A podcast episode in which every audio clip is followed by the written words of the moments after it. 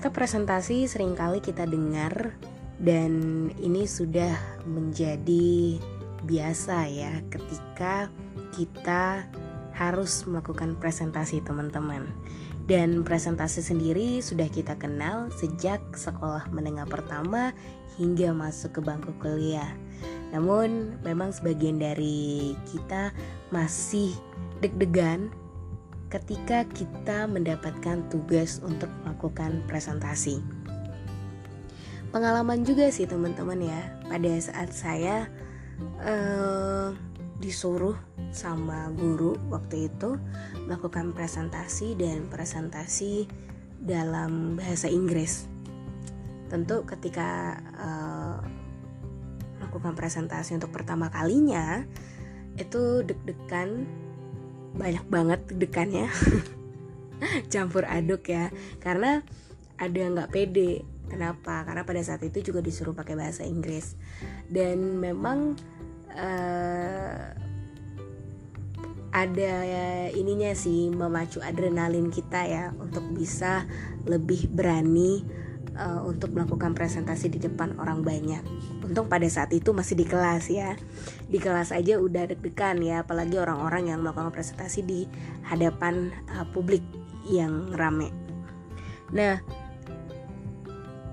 kalau kita uh, melihat lagi teman-teman ya kalau kita dengerin kata presentasi ya pastilah pasti tahu presentasi adalah uh, melakukan penyajian informasi ya atau memberikan uh, sebuah atau memperkenalkan sebuah informasi di dalam suatu diskusi ataupun di dalam sebuah forum dan artinya memang teman-teman presentasi itu relate dengan kegiatan berbicara atau lebih tepatnya dengan public speaking Nah, ketika kita melakukan presentasi, pasti kita harus tahu ya, ini kita presentasinya tujuannya apa. Presentasi yang kita lakukan ini buat apa?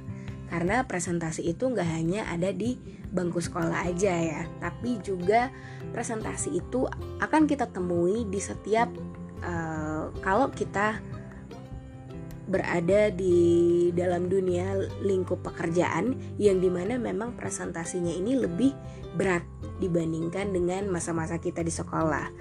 Well, kalau kita buka kembali ya di Kamus Besar Bahasa Indonesia, arti dari kata presentasi ini adalah suatu proses memperkenalkan teman-teman atau menyajikan ya dan mengemukakan seperti yang saya bilang tadi sebuah informasi di dalam suatu diskusi.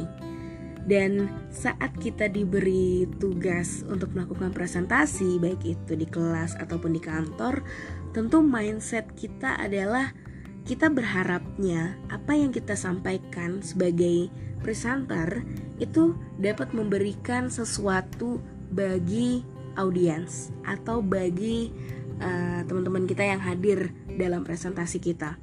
Sehingga perlu rasanya ya kita sebagai presenter juga perlu memahami yang namanya tujuan dalam presentasi kita karena ada banyak macam ya dan ada beberapa hal yang memang perlu kita ketahui bahwa banyak jenisnya nih presentasi sehingga banyaknya perbedaan atau jenisnya presentasi itu bisa kita lihat dari tujuan diadakannya sebuah presentasi. Untuk itu teman-teman ada beberapa ya, beberapa yang perlu sekali kita tahu atau kita pahami mengenai tujuan dari presentasi.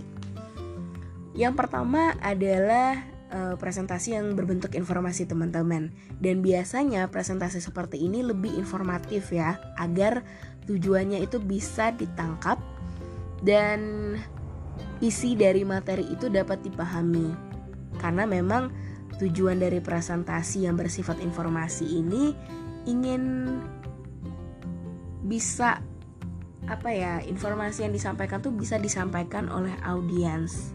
Sehingga uh, kita sebagai audiens itu mengerti apa yang disampaikan oleh presenter. Dan biasanya presentasi ini mudah diikuti kok teman-teman. Karena poin-poin yang disampaikan oleh presenter itu biasanya jelas ya jelas ringkas.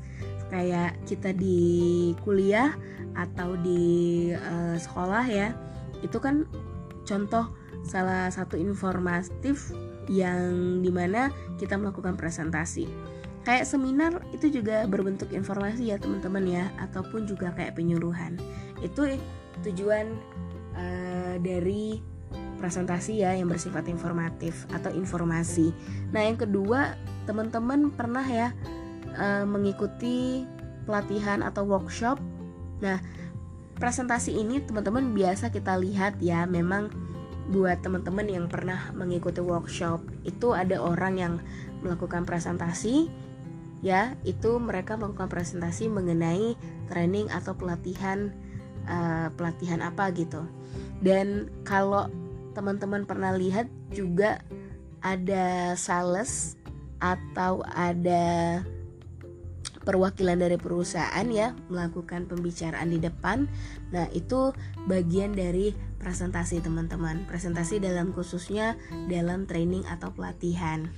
Dan yang ketiga teman-teman uh, untuk memahami tujuan dalam presentasi itu tidak hanya bersifat informasi atau bersifat pelatihan tapi juga mempersuat. Mempersuat itu artinya mengajak Biasanya ini kita lihat di dalam talk show di TV. Kalau uh, presentasi seperti ini nih memang untuk menghimbau untuk melakukan sesuatu. Tapi memang tidak hanya menghimbau sih, tapi juga mengajak untuk kita bisa bertindak.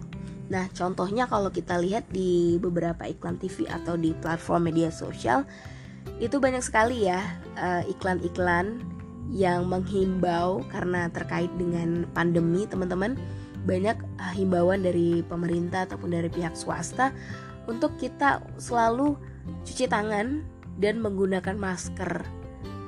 Sehingga melalui iklan yang dibuat tadi baik itu dari kalangan pemerintah atau swasta itu kita sebagai masyarakat sebagai yang menonton TV iklan TV tersebut kita mengikuti ajakan atau himbauan yang disampaikan oleh pihak tadi. Itu dari bentuk uh, atau ajakan ya. Nah, kemudian ada juga teman-teman presentasi yang bersifat menjual atau sell. Dan biasanya juga ini ada di iklan. Banyak di berbagai iklan ya yang banyak menawarkan produk sehingga presentasi dalam kategori jualan ini memang harus uh, dikemas semenarik mungkin teman-teman. Kalau kita biasanya kalau ini ya biasanya kan uh, kita ketemu sama sales-sales di jalan atau di dalam sebuah ruangan ya. Nah itu mereka juga melakukan presentasi teman-teman. Sehingga ada banyak ya kita perlu memahami uh, tujuan dalam presentasi. Karena terkadang kita juga ada juga sih yang salah uh, tidak memahami tujuan dalam presentasi yang dia buat. Ada ketika dia ingin bersifat informatif, eh tahu taunya uh, presentasinya itu harusnya mengarah kepada pelatihan. Jadi untuk itu kita sebagai masyarakat atau sebagai individu itu juga harus memahami, memahami dalam melakukan presentasi. Oke, okay, semoga uh, podcast atau tips saya hari ini ya memahami tujuan dalam presentasi dapat bermanfaat buat teman-teman. So, tetap dengerin in my podcast Communication Story. Kita ketemu di next episode. Saya pamit. Bye bye.